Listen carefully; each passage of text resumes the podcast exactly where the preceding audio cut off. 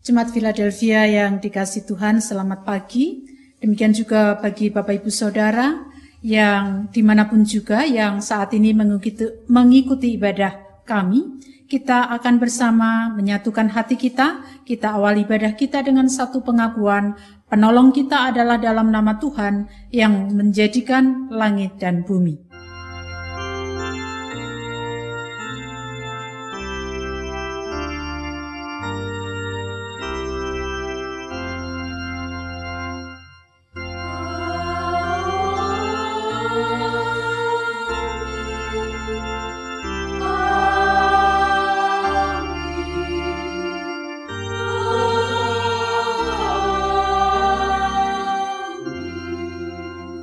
Kasih karunia dan damai sejahtera dari Allah Bapa kita dan dari Tuhan Yesus Kristus menyertai saudara sekalian. Dan menyertai saudara juga. Nats pembimbing dalam ibadah pada saat ini meneguhkan kita yang terambil dari Ibrani 4 ayat 14. Karena kita sekarang mempunyai imam besar agung yang telah melintasi semua langit, yaitu Yesus anak Allah. Baiklah kita teguh berpegang pada pengakuan iman kita. Kita sambut nats pembimbing kita dengan sukacita menyanyikan Kidung Jemaat 3, bait 1 dan 3, kami puji dengan riang.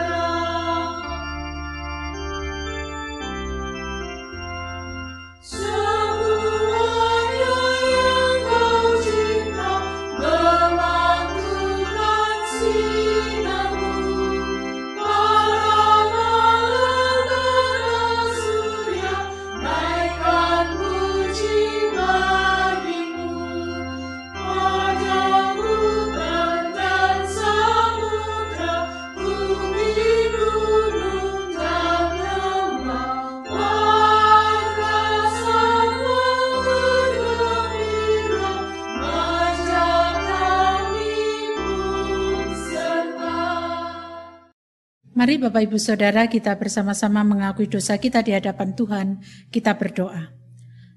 Dengan segala kerendahan hati kami datang kepadamu Tuhan, mengakui akan segala keberadaan kami, sering kali kami tidak bisa melawan godaan yang ada di sekitar kami, oleh karena kami tidak bertekun di dalam Engkau. Ampuni ya Tuhan segala dosa kami, mampukan kami untuk senantiasa bertekun di dalam Engkau sehingga dapat melawan segala godaan yang muncul dalam kehidupan kami. Di dalam nama Tuhan Yesus Kristus kami berdoa. Amin. Kita nyatakan pengakuan kita di hadapan Tuhan melalui pujian dari Kidung Jemaat 27 bait 1 dan 2, meski tak layak diriku.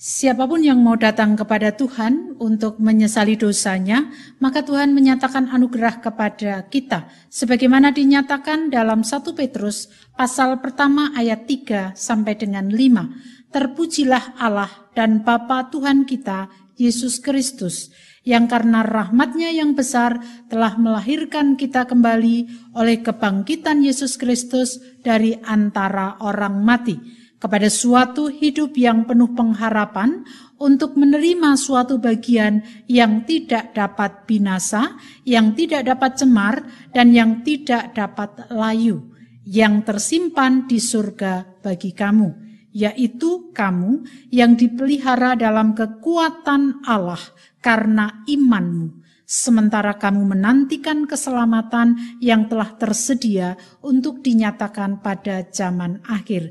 Demikianlah berita anugerah dari Tuhan. Kita sambut dengan pujian dari Kidung Jemaat 54 bait 1 dan 4 tak kita menyerahkan.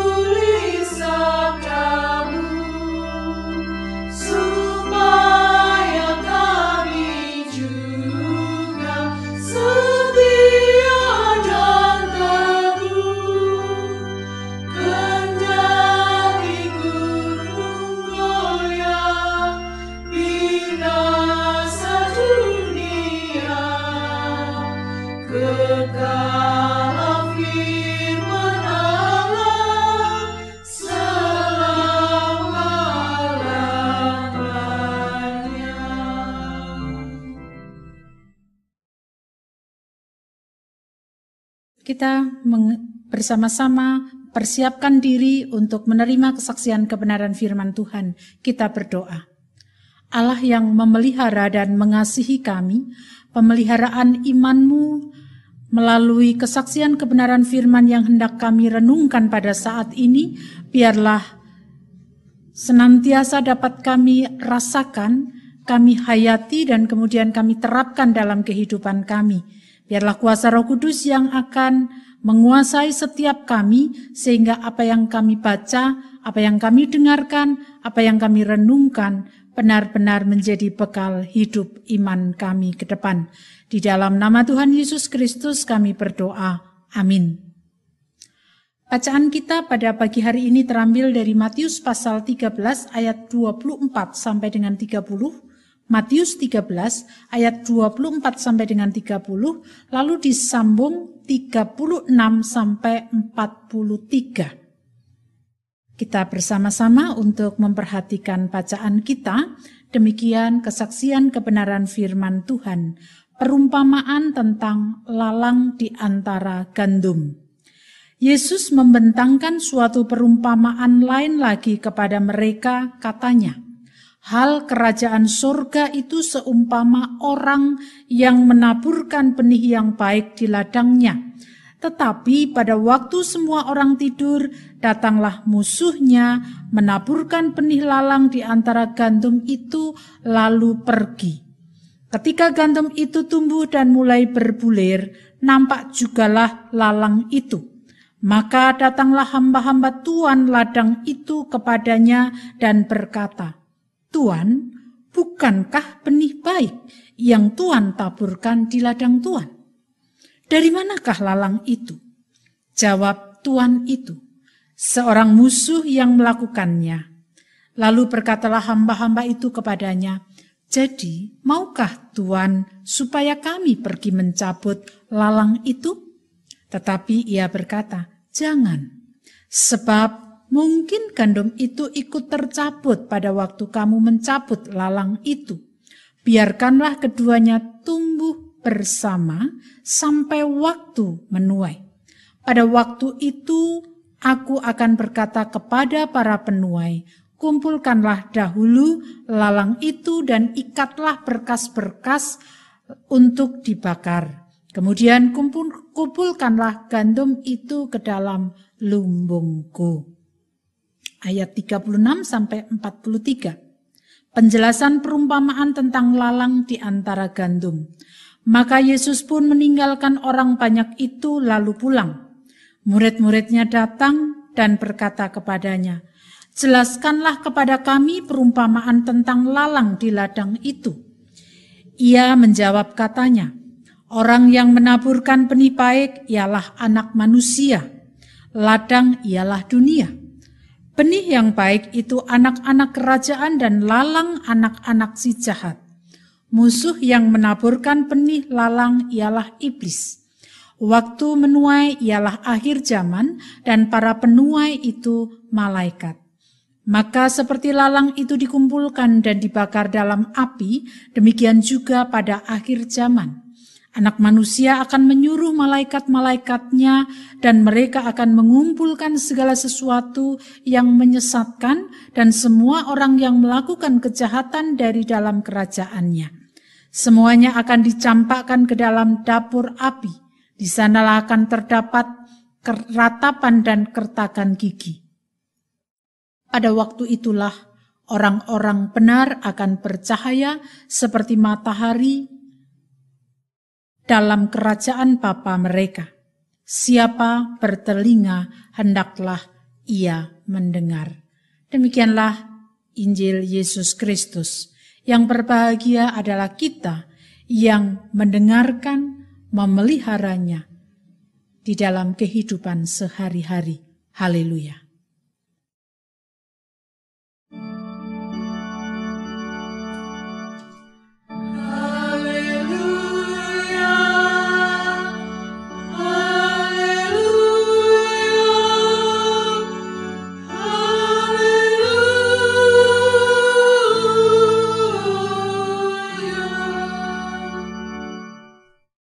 Yang dikasih Tuhan, kita bersama-sama masih berada dalam ibadah di rumah kita masing-masing.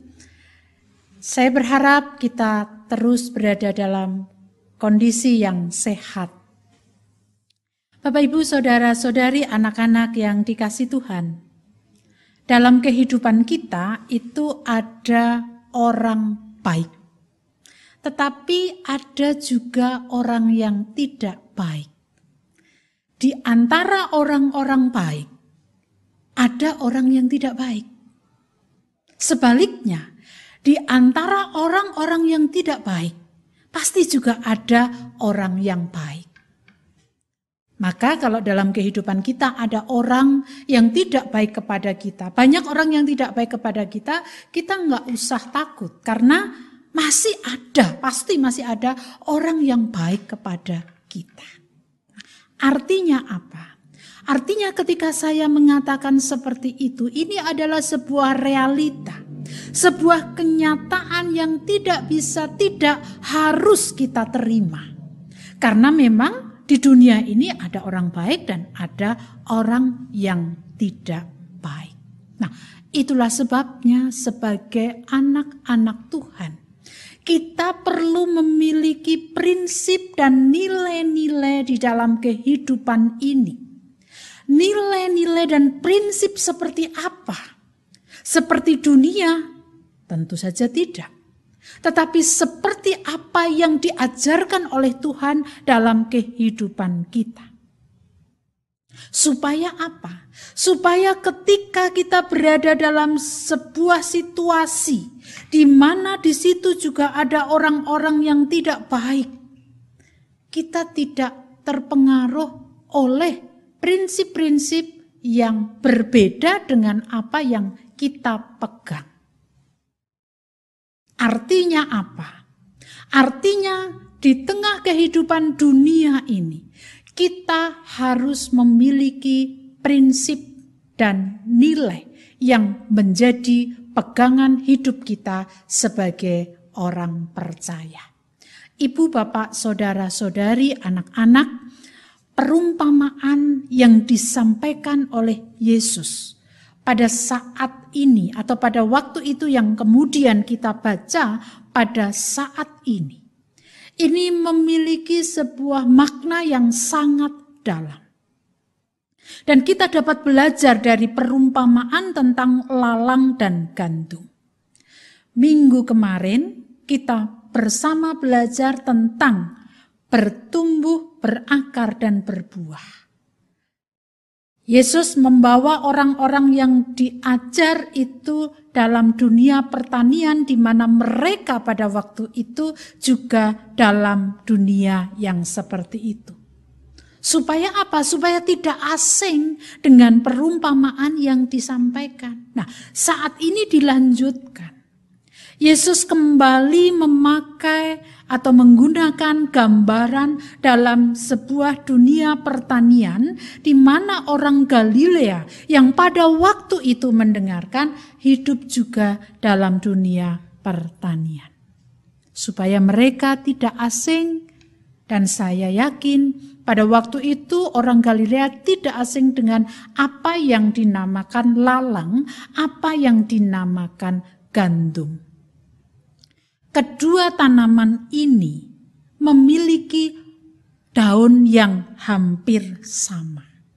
Jadi lalang dan gandum itu ketika tumbuh daunnya hampir sama. Tetapi ketika dia berbuah, bulirnya, buahnya itu bulir-bulirnya itu berbeda. Sehingga kalau baru tumbuh belum ada bulir-bulirnya, tidak akan bisa dilihat mana lalang, mana gandum. Tetapi ketika dia sudah mengeluarkan bulir, orang akan dapat bisa langsung membedakan, oh ini gandum, ini adalah lalang.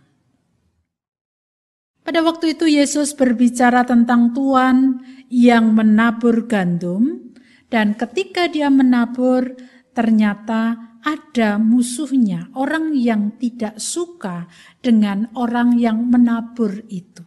Sehingga orang yang tidak suka itu berusaha untuk bagaimana orang yang menabur gandum itu tidak bisa menghasilkan buah. Itu sebabnya pada waktu malam dia kemudian musuh tadi kemudian menyebarkan lalang dengan harapan kalau muncul kemudian terlihat loh kok ada lalangnya itu bisa dicabut. Nah kalau dicabut gandumnya bisa tercabut bisa bayangkan. Kalau lalang dicabut, gandum dicabut, sudah otomatis Tuhan tadi tidak akan bisa memetik bulir-bulir gandumnya. Itu sebabnya ketika para murid, bolehkah Ketika orang-orang pada waktu itu mengatakan kepada Tuhan, "Bolehkah lalang itu dicabuti?" Tetapi sang Tuhan mengatakan dengan sangat cerdas. Ia mengatakan, "Biarkan dia tumbuh bersama dengan gandum." Supaya apa? Supaya ketika dia tumbuh dan nanti akan keluar bulir, sudah pasti bisa jelas mana yang gandum, mana yang lalang. Sehingga kalau yang lalang akan dibakar, yang gandum itu akan dipanen.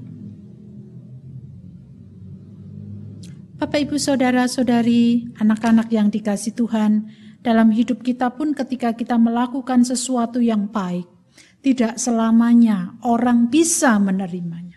Ada orang yang iri hati dan kemudian melakukan ketidakbaikan supaya apa yang kita kerjakan itu tidak berefek positif kepada orang-orang di sekitar kita. Nah, bacaan ini kembali mengingatkan kepada kita, biarkan dia tumbuh Tetaplah berbuat baik. Mesti ada musuh yang mencoba untuk menggoda melalui ya apa saja supaya perbuatan yang baik itu tidak dikerjakan. Nah setelah Yesus mengajar, kemudian Yesus pulang dan di situlah murid-murid bertanya, apa sih sebenarnya makna, apa sih sebenarnya arti perumpamaan tentang lalang di antara gandum. Lalu dengan jelas dalam ayat 36 sampai dengan ayat yang ke-41 tadi dikatakan atau dijelaskan oleh Yesus siapa itu Tuhan tanah. Tuhan adalah anak manusia. Anak manusia di sini adalah A-nya besar, M-nya besar artinya Kristus, yang menaburkan benih baik. Benih baik itu siapa? Ya anak-anak Allah, anak-anak Tuhan. Di mana? Di ladang. Ladang itu adalah dunia. Dan ternyata ada tokoh lain, musuh tadi siapa? Yaitu iblis yang datang kemudian mencoba untuk mempengaruhi anak-anak Allah yang sebenarnya sudah memiliki nilai-nilai dan prinsip-prinsip yang diajarkan oleh Tuhan. Gandum akan selalu dirawat dan dipelihara oleh tuannya supaya ketika panen nanti kemudian bisa dipisahkan dan bisa memberikan manfaat. Demikian juga ketika anak-anak Allah, anak-anak atau orang-orang percaya yang memiliki prinsip hidup yang diajarkan oleh Tuhan. Hidupnya akan selalu dirawat, hidupnya akan selalu, selalu dipelihara, tetapi bukan berarti lalu hidupnya santai, tenang, tanpa ada masalah, tanpa ada godaan. Justru godaan itu selalu muncul dalam kehidupan umat manusia, selalu muncul dalam kehidupan anak-anak Tuhan. Semakin dekat dengan Tuhan, semakin bertekun dengan Tuhan, akan dihantam oleh siapa? Oleh musuh tadi. Dengan cara apa? Ya menggoda. Supaya apa? Supaya kemudian dia terpengaruh. Dunia di mana kita tinggal adalah ladang di mana gandum ditaburkan. Dunia di mana kita tinggal adalah tempat di mana kita ditempatkan. Di antara ilalang yang juga ditaburkan oleh iblis.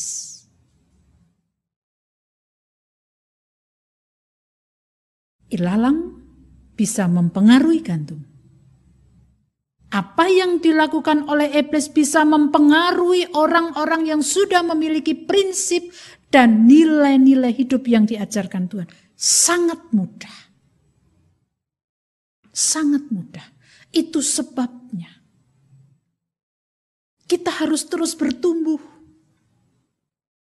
Bagaimana supaya kita bertumbuh? Ya kita harus bertekun. Kenapa? Karena dia yang menanam kita, dia yang menempatkan kita di dunia ini, memelihara kita. Kalau kita tidak bertekun, kalau kita tidak selalu memiliki hubungan yang baik dengan dia, ia akan sangat mudah godaan yang terus dilancarkan oleh iblis itu menggoda kita. Dan ketika menggoda kita, kita akan tercabut dari tempat di mana seharusnya kita tetap ada. Tuhan memelihara semua orang. Tetapi bagaimana yang dipelihara itu? Apakah dia akan bertumbuh baik, bulir gandum tadi, akan menjadi bulir gandum, atau akan menjadi bulir lalang? Kalau kita menjadi anak-anak Tuhan, mestinya kita akan menghasilkan atau menjadi bulir gandum. Yang kemudian ketika dipanen, itu akan memberikan manfaat bagi orang.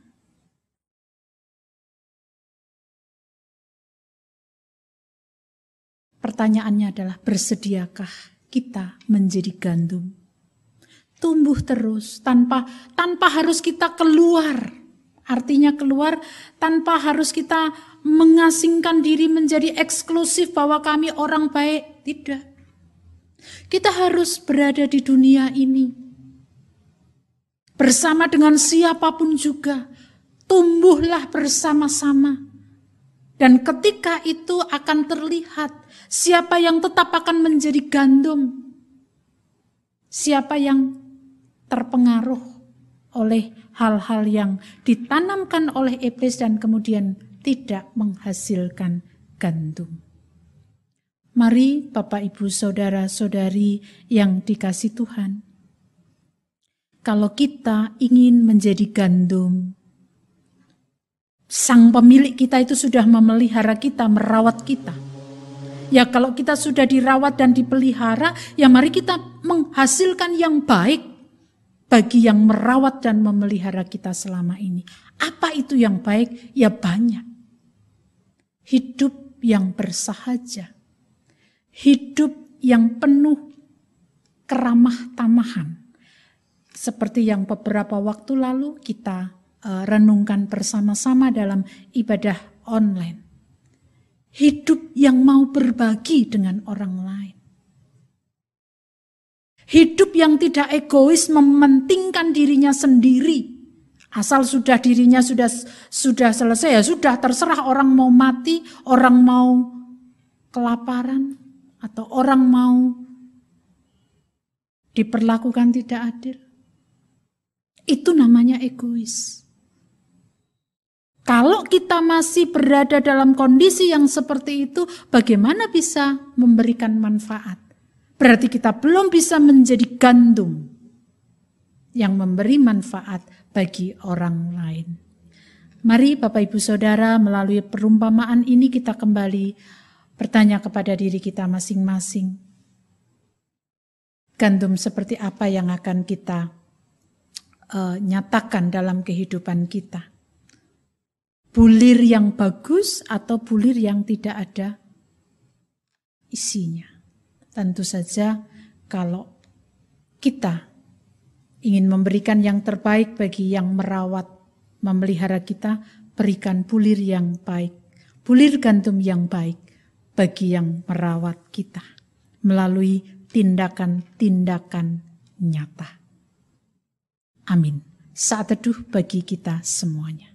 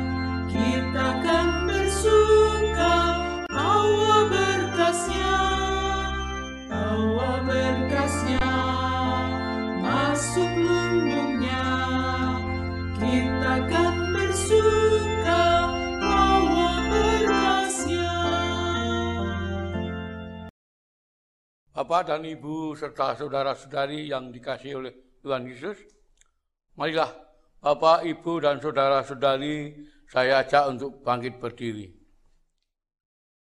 Sambil meletakkan tangan kanan di dada sebelah kiri, marilah kita beri iman kita melalui pengakuan iman rasuli.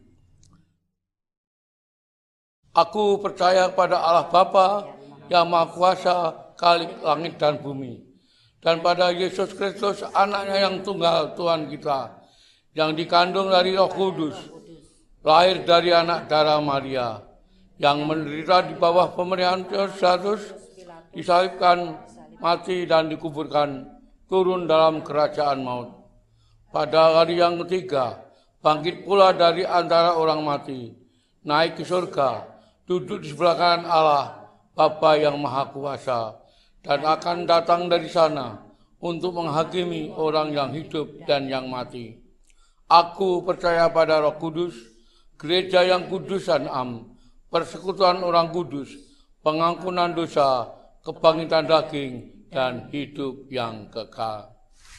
Bapak dan Ibu dan saudara-saudari, kami silakan duduk kembali. Kita persembahkan pergumulan kita kepada Tuhan dalam syafaat kita. Kita berdoa.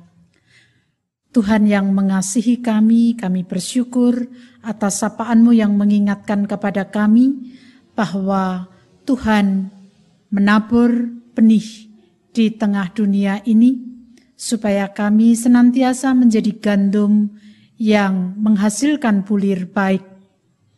Kiranya Tuhan menolong kami melalui tingkah laku kehidupan kami, mewujud nyatakan kebaikan di tengah apa pun juga kami yakin dan percaya Tuhan akan terus menolong kami ketika kami menyatakan kesiapan hati kami untuk menjadi gandum di antara lalang. Pada saat ini kami berdoa untuk kehidupan bangsa dan negara kami di tengah pandemi COVID-19, baik itu pemerintah dan masyarakat. Kiranya Tuhan memampukan kami menghadapinya dengan bijak. Dengan berbagai macam berita, yang tidak akan mendukung secara positif keberadaan kondisi bangsa dan negara kami dalam menghadapi COVID-19.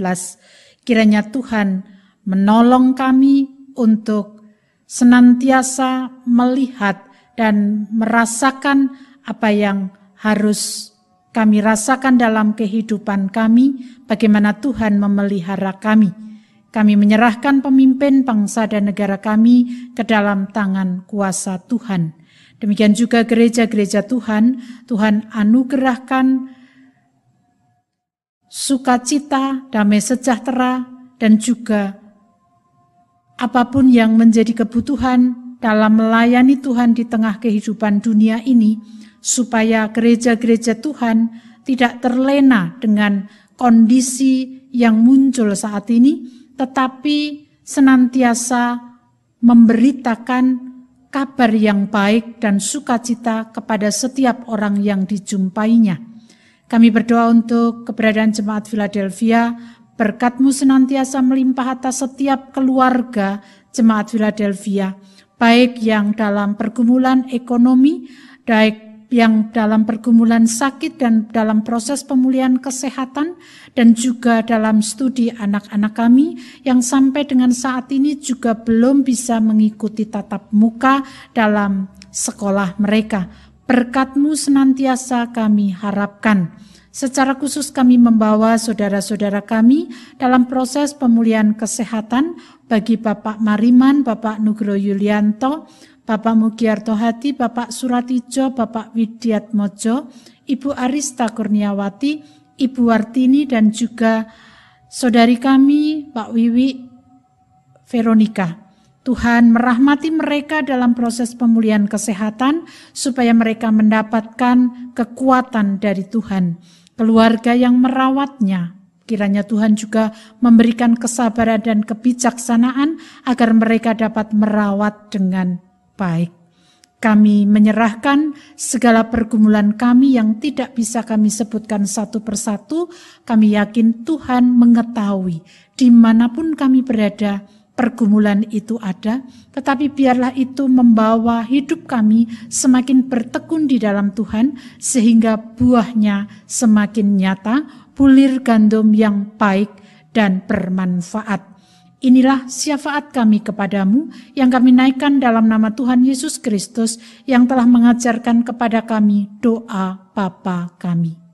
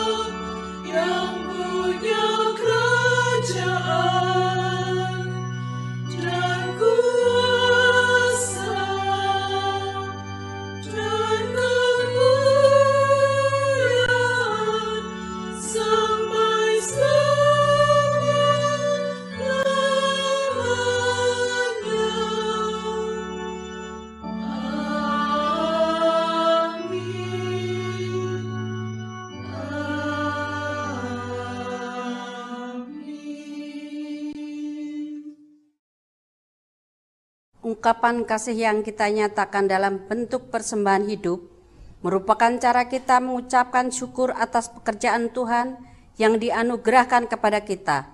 Dasar persembahan diambil dari Mazmur 96 ayat yang pertama. Berilah kepada Tuhan kemuliaan namanya. Bawalah persembahan dan masuklah ke pelatarannya. Kita menyanyikan Kidung 439 bila topan keras melanda hidupku.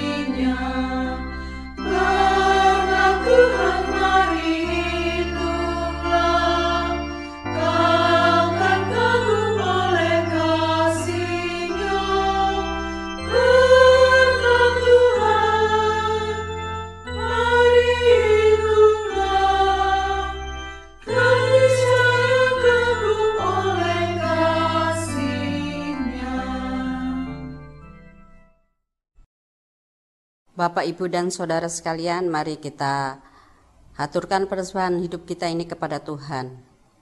Allah Bapa Surgawi yang bertata di dalam kerajaan yang mulia, ya Tuhan, pada saat ini kami datang kepadamu ya Tuhan, untuk mengucap puji syukur dan terima kasih atas berkat karunia Tuhan yang pada saat ini dapat kami persembahan, ialah persembahan hidup kami ya Tuhan. Ya Tuhan, di dalam kami mempersembahkan Hidup kami pada saat ini banyak dosa dan kesalahan. Kiranya Tuhan mengampuninya. Dan pakailah kami Tuhan untuk selalu dapat mempersembahkan hidup kami. Dan kiranya Tuhan juga memberikan kekuatan di dalam kami beribadah pada saat ini. Ya Tuhan, inilah Tuhan, doa permohonan kami yang kami sampaikan kepada Tuhan. Bila banyak dosa dan kesalahan, kiranya Tuhan mengampuninya. Di dalam nama Tuhan Yesus Kristus, doa ini kami naikkan. Amin. Di tengah kehidupan dunia, senantiasa kita harus menghadapi banyak godaan. Namun demikian ketika kita bertekun di dalam Tuhan, apa pun yang menjadi godaan kita tidak akan melenyapkan iman kita, tetapi justru akan menguatkan iman kita. Kita lawan godaan kita dalam ketekunan bersama dengan Tuhan. Kidung Jemaat 436 bait 1 dan 2 kita pujikan bersama lawanlah godaan.